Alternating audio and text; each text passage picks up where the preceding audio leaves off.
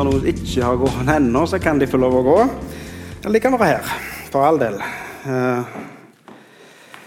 har, Dere la gjerne merke til det hvis dere så dere rundt når dere kom inn. At det lå noen stabler med bibler, eh, både med inngangsdøra der og med miksepulten her.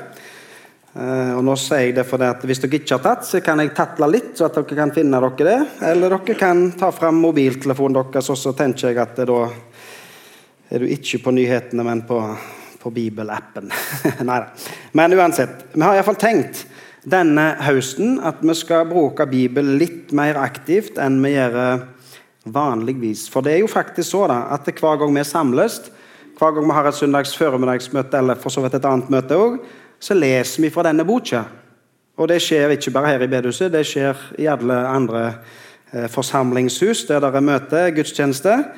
At vi leser noen tekster fra ei bok som heter Bibel.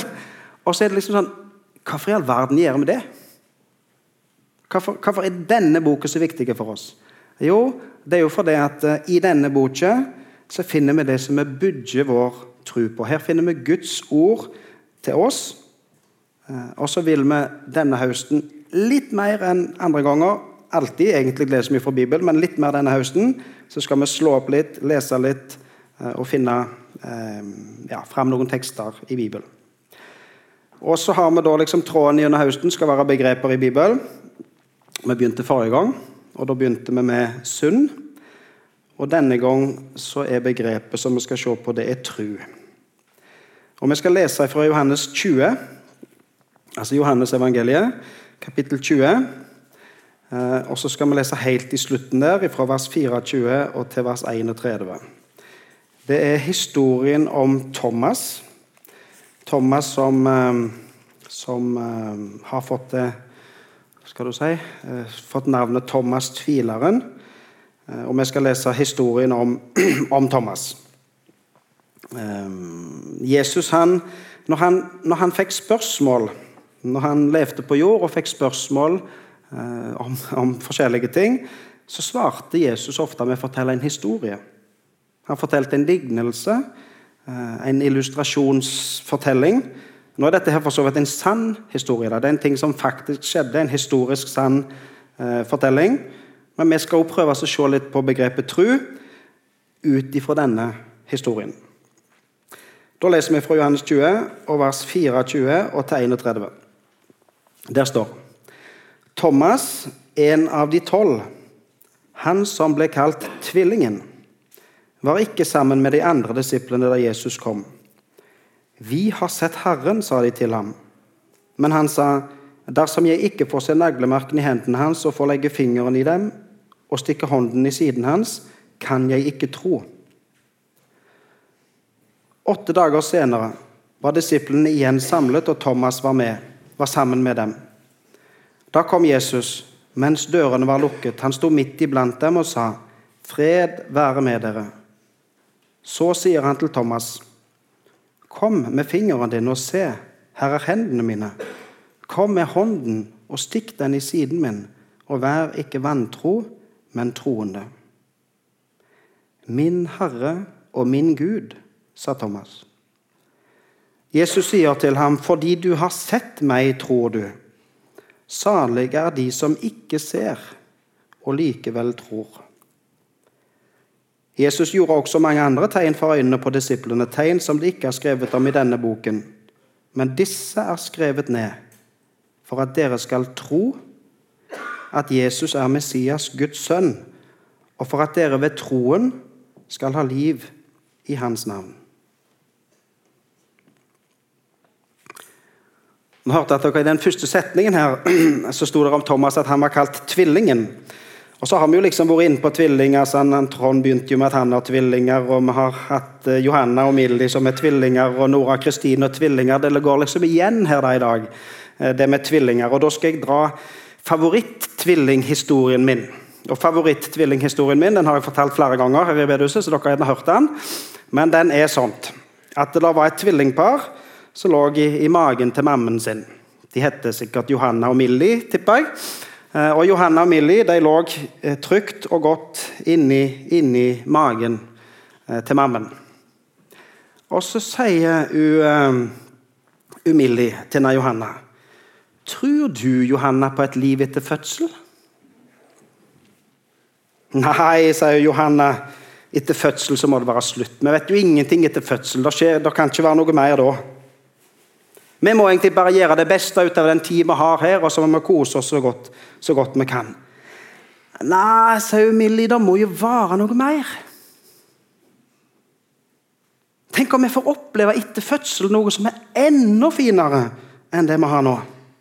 Nei, sier Johanna, her har vi det jo så trygt og godt og varmt, og vi får mat, og, og, og, og vi har det flott her som vi er nå. Men, sa Millie, jeg drømmer om å kunne strekke ut føttene og slå litt med armene. Jeg tror det må finnes noe mer etter fødsel, sa Millie.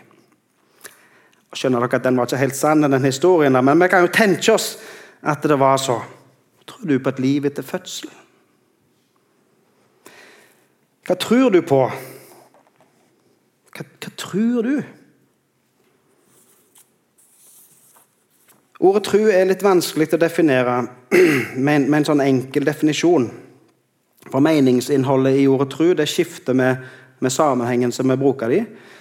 Jeg kan på en måte, at Det kan brukes i mange forskjellige Du kan si eh, 'jeg tror' det blir fint vær i morgen. Det er ikke sikkert vi bør si det her på været, men, men tro det kan på en måte være en slags antakelse. Jeg, jeg tror at eh, jeg, jeg, forestiller meg at ikke sant?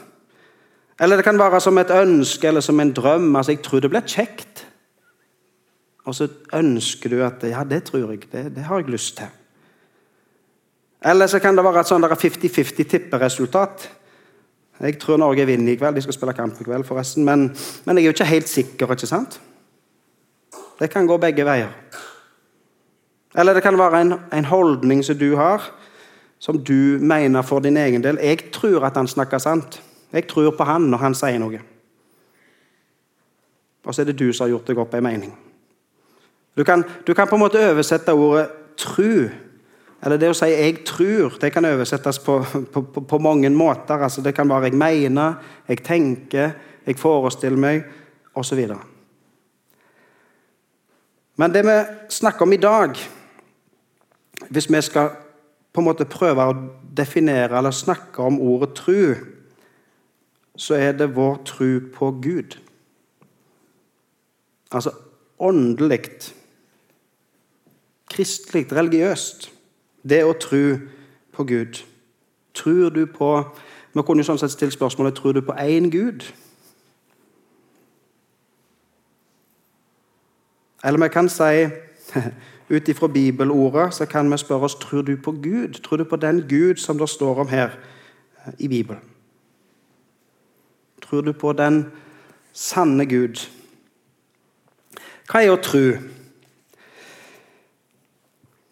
Og kan vi tro? Er det mulig for oss å, å tro? Og hvordan i all verden gjør vi det hvis vi, hvis vi kan?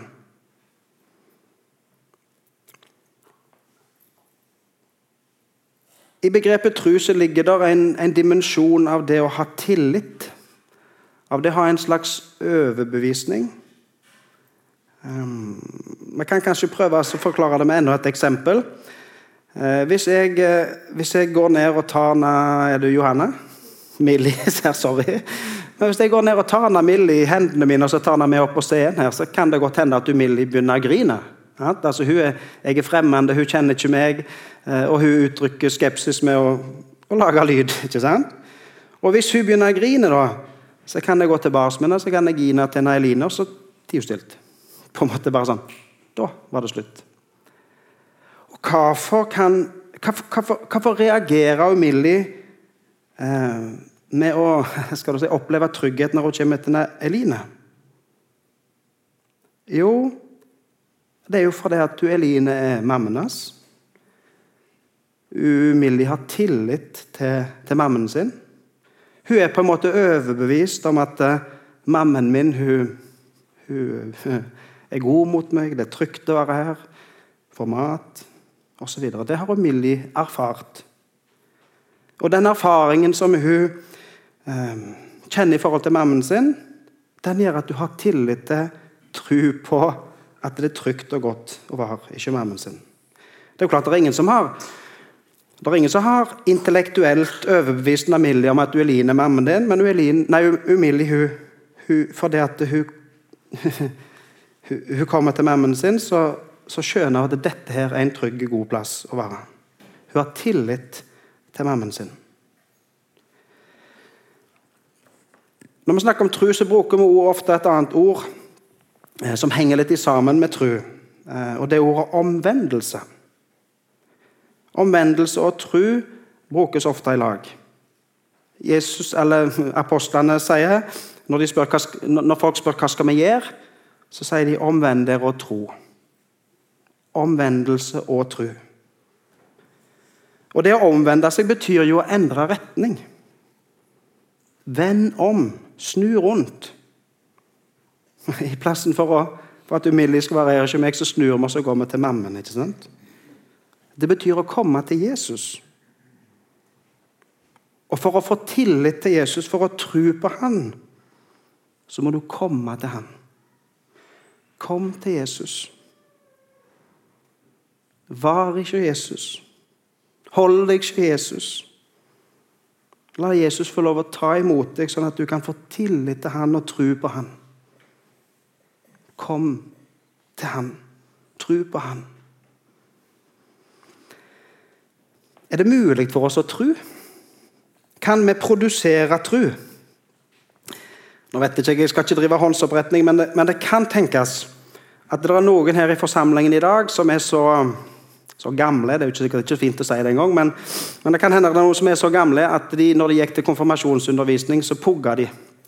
Og Da pugga de forklaringen til den tredje trosartikkel. Jeg skal ikke spørre om noen kan den utenat. Men forklaringen til den tredje trosartikkel altså den tredje det er jo 'jeg tror på Den hellige ånd'. ikke sant? Og Forklaringen til den tredje trosartikkel den sier sånn Jeg tror at jeg ikke av egen fornuft eller kraft kan tro på Jesus eller komme til ham. Hørte dere? Jeg skal ta den en gang til. Jeg tror at jeg ikke av egen fornuft eller kraft kan tro på Jesus eller komme til ham. Altså Egentlig så sier forklaringen jeg tror at jeg ikke kan tro. Altså, Jeg i meg sjøl kan ikke tro. Det er faktisk ikke stoff i meg til å produsere tro. Men så sier forklaringen videre Men Den hellige ånd har kalt meg ved evangeliet. Gud, Den hellige ånd, har tatt tak i meg, kalt meg. Og så har Den hellige ånd sørga for at jeg kan komme til Jesus og tro på han. Nå skal vi slå opp Nå skal vi slå opp Efeserbrevet 2. Efeserbrevet er Det nye testamentet. Det er et lite stykke sånn uti. Etter Galaterbrevet før Filipperbrevet. Efeserbrevet 2. Og så skal vi lese vers 8.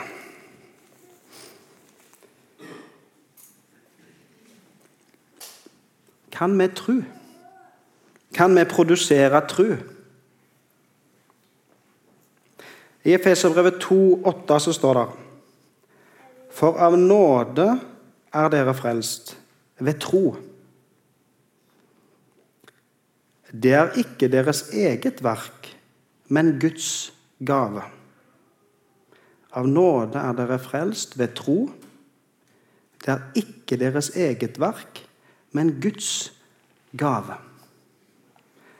Det er Guds gave til oss. Gud gir oss tru. Altså, Gud skaper tru i oss. Du kan ikke Du kan ikke frelse deg sjøl. Du kan ikke um, Tildele deg sjøl syndenes forlatelse. Du kan ikke, altså Gud må virke alt dette i deg. Og han gir det ved tro. Og han skaper faktisk i deg den tro som han krever av deg. Det eneste han krever av deg, det er å tro. Og så vet han at du ikke kan produsere denne tru, derfor gir han den tru i gave til deg. Han skaper i deg den tru som han krever av deg.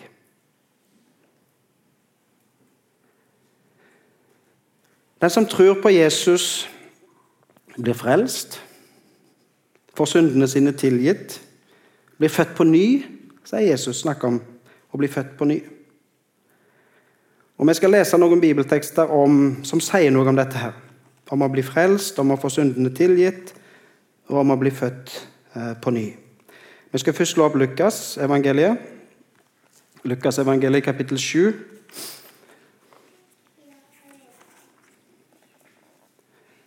Og I Lukas evangeliet kapittel 7 i vers 47 og ned til vers 50 Eh, nå står det Nå går vi rett inn i en historie. Og Historien er sånn at det er ei, dame som er kommet inn i, en, inn i huset til en fariseer. Og hun dama har et dårlig rykte på seg. Hun er, hun er en sånn som fariseeren ikke ville invitert. Um, men hun eh, får et godt vitnesbyrd av Jesus. Og så sier Jesus til henne eller han sier egentlig til Simon, men om henne, i vers 47. Så sier han Derfor sier jeg deg, hennes mange synder er tilgitt. Derfor har hun vist stor kjærlighet. Men den som får lite tilgitt, elsker lite. Så sa han til kvinnen, dine synder er tilgitt. Da begynte de andre gjestene å spørre seg selv, hvem er han som til og med kan tilgi synder? Men Jesus sa til kvinnen, din tro har frelst deg. Gå i fred. Din tro har frelst deg. Gå i fred. Hun hadde fått sine mange synder tilgitt, og derfor elska hun mye. Hun var glad i Jesus. Og Jesus sa til denne dama Dine synder er tilgitt. Og så sier han nå din tro har frelst deg.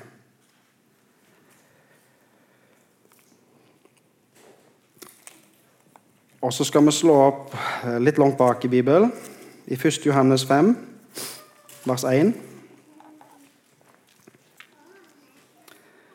1. Johannes 5,1. Det er litt langt, det er et lite brev, ganske langt bak i Bibelen, det òg. Um, og der står 1. Johannes 5,1.: Enhver som tror at Jesus er Kristus, er født av Gud. Enhver som tror at Jesus er Kristus, er født av Gud.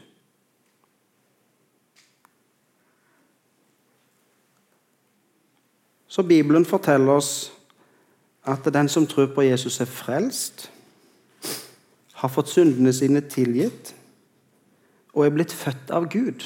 Født på ny. Altså, Gud har gitt den som tror på Jesus, et nytt liv. Og hvordan går det til med fødsel? Altså, Hvor mye bidrar du til din egen fødsel? Hvis du tenker rent sånn menneskelig, biologisk. Du bidro ingenting. Og i den nye fødselen er det Gud som føder, som gir et nytt liv. Men som tror på Jesus, blir frelst, får syndene tilgitt og blir født på ny. Skal vi lese en til tekst? Det blir litt mye å slå opp, men la oss lese Markus 2. Markus det er ganske langt framme i Det nye testamentet. Evangeliet etter Markus, kapittel 2, og vers 1-5. Noen dager senere kom Jesus igjen til Kapernaum, og det ble kjent at han var hjemme. Markus 2,1. Nå er vi i vers 2. Det samlet seg så mange at de ikke fikk plass, ikke engang utenfor døren. Mens han forkynte ordet for dem, kom de til ham med en som var lam det var fire mann som bar han. Men de kunne ikke komme fram til ham pga. trengselen. Derfor brøt de opp taket over stedet der han var, laget en åpning og firte ned båren som den lamme lå på. Da Jesus så deres tro, sa han til den lamme, Sønn, dine synder er tilgitt. Da Jesus så deres tro, sa han til den lamme, Sønn, dine synder er tilgitt. Altså Her er det fire venner som har en, en venn som er lam, som ikke kan gå, som ikke kan komme til Jesus av egen maskin.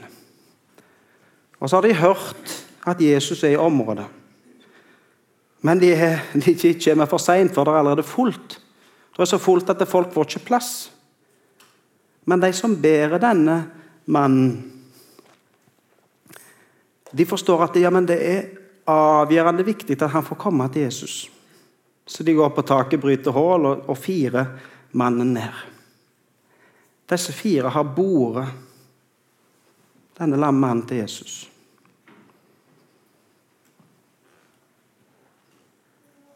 Og så står det Da Jesus så deres tro, sa han til den lamme, Sønn, dine synder er tilgitt. Den lame mannen fikk komme til Jesus.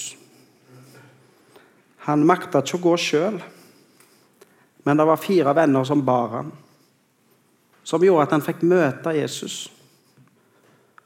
Og Jesus har makt til å tilgi synder. Den som kommer til han, den som tror på han, får syndene sine tilgitt.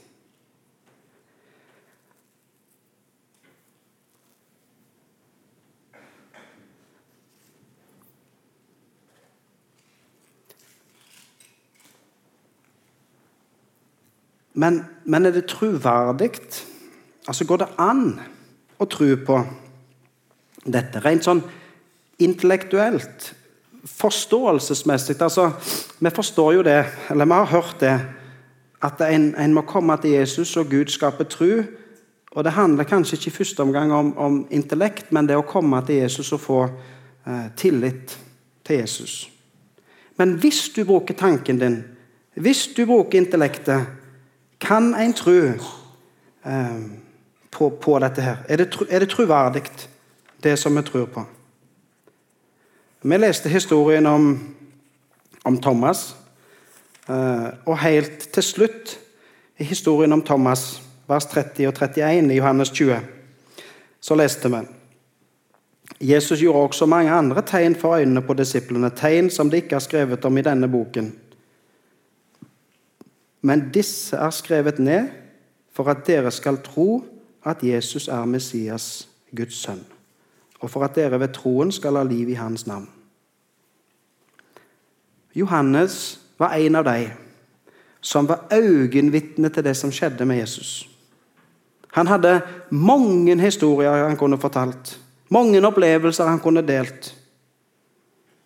Og så sier han jeg har ikke plass til å skrive alt i denne boken, men det som jeg har skrevet ned, det som jeg har vitna til dere om Jeg som er øyevitne, sier Johannes. Det som jeg har skrevet ned, det har jeg skrevet for at dere skal tro at Jesus er Messias, Guds sønn, og for at dere ved troen skal ha liv i hans navn. Det er ganske mange øyenvitnebeskrivelser i Bibelen om livet til Jesus. Og så er det mange andre ting, mange andre historier i Bibelen for all del, som ord fortelles til oss av, av øyenvitner og andre. Ehm, men hvis vi kun tenker på, på, på, Jesus sitt liv på jord, og hans død og hans oppstandelse, så er det mange øyenvitnebeskrivelser av det som skjedde. Og det er historisk utrolig godt dokumentert. Det er svært få historiske hendelser som er så, for så lenge siden som er så godt dokumentert som Jesus sitt liv og det som skjedde med Jesus. Johannes sier jeg har skrevet det. Jeg kan vitne om det. Og jeg har skrevet det for at dere skal eh, kunne tro på Jesus. Og Så er det én ting til som jeg vet ikke om dere la merke til det når Katrine eh, innledet til søndagsskolen her i dag, så sa hun noe om at eh, bare det se disse tvillingene og se på fjellene i bakgrunnen, sa hun, for det var bilder av fjeller på, på skjermen, vil jeg tro. Um, det, det, gjorde at hun, kunne tro. Og i Romerbrevet 1, vers 19 og 20 Beklager, nå sa jeg ikke det på forhånd, så nå må dere forte dere hvis dere skal slå opp. Men i alle fall, i Romerbrevet 1, 19 og 20, så står det Det en kan vite om Gud, ligger åpent foran dem. Gud har selv åpenbart det. Hans usynlige vesen, både hans evige kraft og hans guddommelighet, har de fra verdens skapelse av kunnet se og erkjenne av hans gjerninger. Altså Bibelen sier til oss at det, Gud har sjøl vist at han fins. Helt ifra skapelsen av har vi kunnet sett at Gud eksisterer, at Gud fins, at Gud har skapt. Og når vi ser på disse små ser på oss sjøl igjen òg, for så vidt, og på skaperverket, så ser vi et bevis på at Gud fins.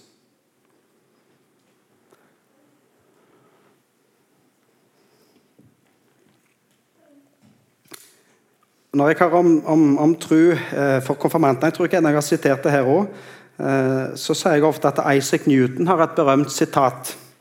Isaac Newton er en av de smarteste personer som har levd, tenker jeg. Eh, og Han sa at når jeg ser på tommeltotten min, så ser jeg et bevis på at Gud fins. Når jeg ser på hva Gud har skapt, så ser jeg et bevis på at Gud fins.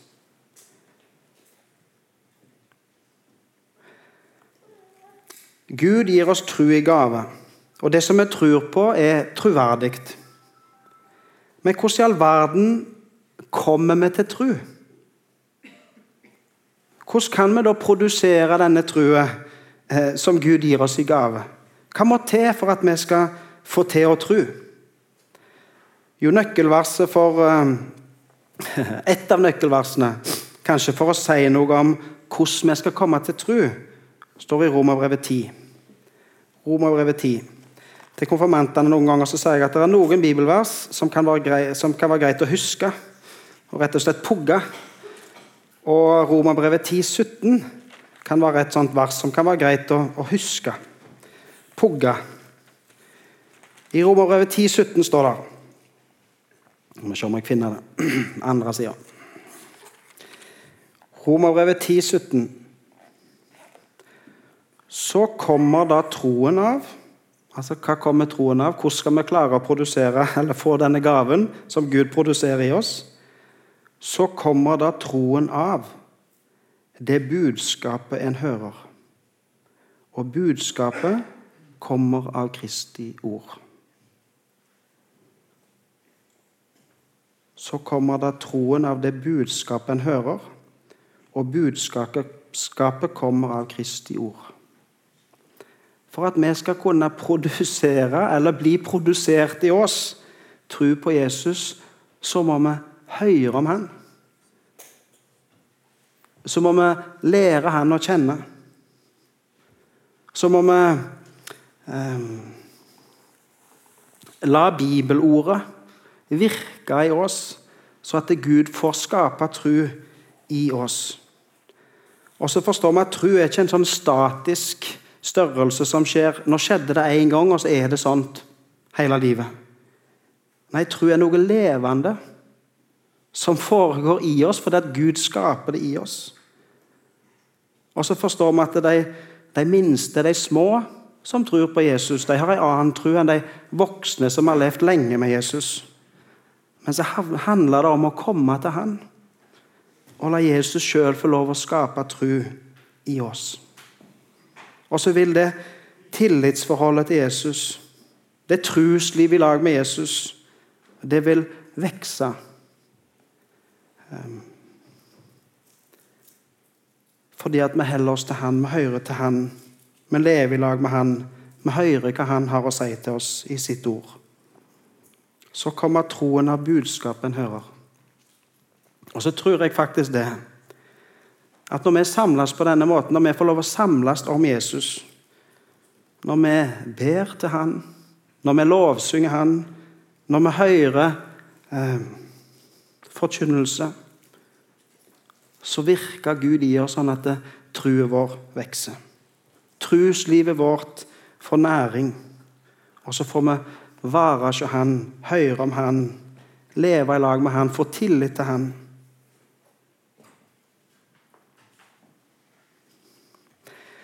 Og så er det litt merkelig, syns jeg, dette her med, med denne historien om Thomas.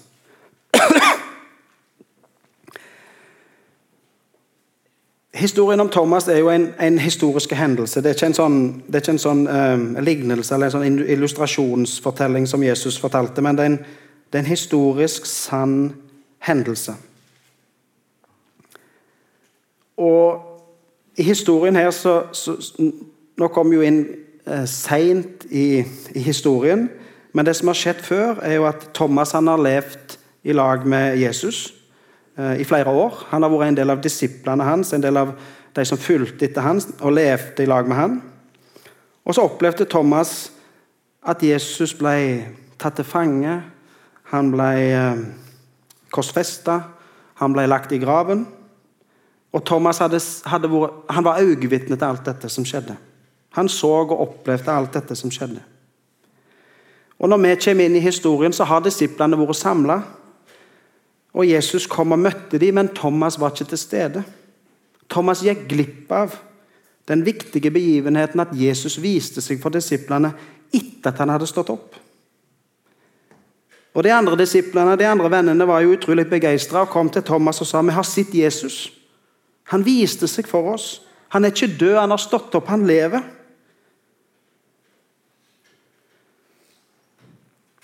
Og så har Thomas fått tilnavnet tvileren fordi han sa uten at jeg får se naglemerkene, så kan jeg ikke tro. Jeg vil ikke tro. Det går ikke an for meg å tro uten at jeg får se Jesus sjøl. Og Så går det åtte dager, og så er disiplene samla igjen. Og så kommer Jesus. Og så gjør Jesus noe merkelig, noe som jeg ikke helt jeg har slitt med å forstå. gjerne litt sånn ennå, men men hvorfor, hvorfor, hvorfor gjør Jesus én ting, og så sier han noe annet? Jesus han, ehm, han sier 'Salige de som ikke ser, men likevel tror'. Han, han gir jo et poeng ut av at eh, de, de, som ikke ser, men likevel tror. Han, han gir et poeng ut av at, eh, at det er ikke nødvendig å se Jesus fysisk for å kunne tro på ham. Men selv om Jesus sier at du trenger ikke se fysisk Selv om han sier det, så viser han seg fysisk for Thomas. Og Han gjør jo rett og slett, han gjør det så fysisk at han sier 'kom med fingeren din' og legg den inn i naglemarken, inn i sida her, der som jeg har sår. Og så får Thomas se. Hendene hans får kjenne at Jesus lever. Han har vært død, men han har stått opp igjen, og han lever. Og Hvorfor gjør Jesus det? Hvorfor oppfører Jesus seg sånn? Jeg tenkte på om jeg skulle prøve på en illustrasjon. Jeg vet ikke om han er god en gang, men jeg vet ikke om dere har gjort det heller. Men, men det hender jo at uh, vi voksne på en måte, som har unger, vi, vi, vi, tenker når det nærmer seg jul, så blir vi enige om at uh, vi trenger ikke gi presanger med til hverandre dette året. Ikke har dere vært borti det, men men sånn eh, Voksne folk kan si at vi trenger ikke gi trenger ikke, vi trenger ikke gi presanger til en annen, for vi gir så mye til vanlig. og vi har alt vi trenger, og Det er viktig at ungene får presanger. Og sånt, og så blir du enig om at du gir ikke presang til jul. Og Så kommer julaften, og så ligger det en presang, ikke sant? og så er ikke du forberedt. Dårlig, det er dårlig gjort, egentlig. Men altså, Jesus gjør jo på en måte sånn som dette. Han, han sier til Thomas at du trenger ikke se for å tro. Salige er de som ikke ser, men likevel tror. Men selv om han sier til Thomas at du, du trenger ikke se for å tro, så viser han seg likevel fysisk for Thomas. Jeg tror at nøkkelen står i vers 31. Må se om jeg finner det opp igjen. Johannes 20 og vers 31. Der står Disse er skrevet ned for at dere skal tro at Jesus er Messias, Guds sønn, og for at dere ved troen kan ha liv i hans navn. Hvem som kan si det? Hvem som kan si at 'jeg har skrevet ned', 'jeg har vitna om dette', 'jeg forteller dere om dette', for at dere skal tro? Jo, den som skal kunne si det, han må være et øyevitne til det som har skjedd. ikke sant? Og Når Thomas får komme fram til Jesus og legge fingeren i sårene hans, så blir Thomas et øyevitne til at Jesus, han som han kjente så godt Han som han hadde levd med i lag med i så mange år, han som han visste godt hvem var, han kjente han igjen. Ingen tvil. Han hadde jo til og med vært der når Jesus ble tatt til fange, når han ble dømt til døden, når han ble hengt på korset, når han ble lagt i graven. Og nå er det ingen tvil for Thomas at det er den samme Jesus som var død, som nå står levende framfor han med sår i hendene.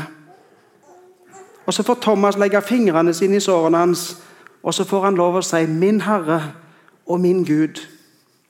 Og så kan han, i lag med de andre disiplene, i lag med de andre som har erfart og opplevd det, så kan han vitne om det til oss.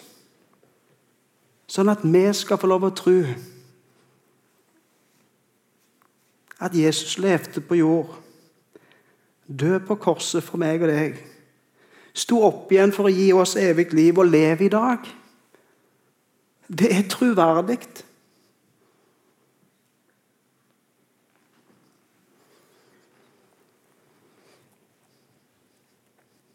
Jeg tenkte vi skulle ha et minnevers ifra i dag. Og Minneverset vårt står i 1. Johannes brev. Vi. Vi har vært der før. 1. Johannes, kapittel 5, og vers 13. 1. Johannes 5, 13. Det er Johannes igjen som skriver. Det er en av øyevitnene som skriver. Han som, han som kan vitne om og si at 'dette har jeg opplevd sjøl'. Han, han, han, skriver igjen I 1. Johannes 5, 13 så skriver han dette har jeg skrevet til dere for at dere skal vite at dere har evig liv, dere som tror på Guds sønns navn. Flott. Hvis vi skal til minneverset, må vi lese det en gang til. Hør godt etter, og les hvis du har Bibelen. 1. Johannes 5, 13. Dette har jeg skrevet til dere for at dere skal vite at dere har evig liv, dere som tror på Guds sønns navn. Skal vi be.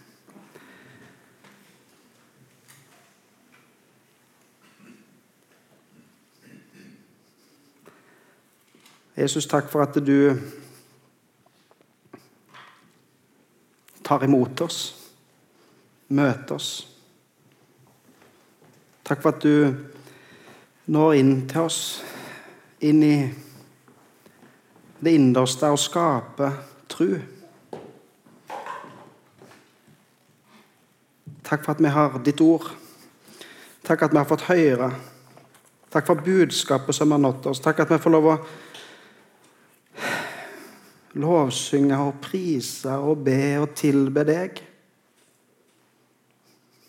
Må du, Jesus, gi oss tru og tillit, styrke. Alt vi trenger for å eh, leve her på jord og leve livet vårt i lag med deg. Jesus, takk for Johanna og Millie og disse små som vi får lov å legge i dine hender. Men du, Jesus, ta deg av dem. Skap tru i dem. La dem få lov å høre deg til, sånn som du gjør med alle oss andre. ber Jesus om at du må velsigne eh, dagen for oss, både vi som er her, ungene som er på søndagsskolen. Må du være med oss for ditt navns skole. Amen.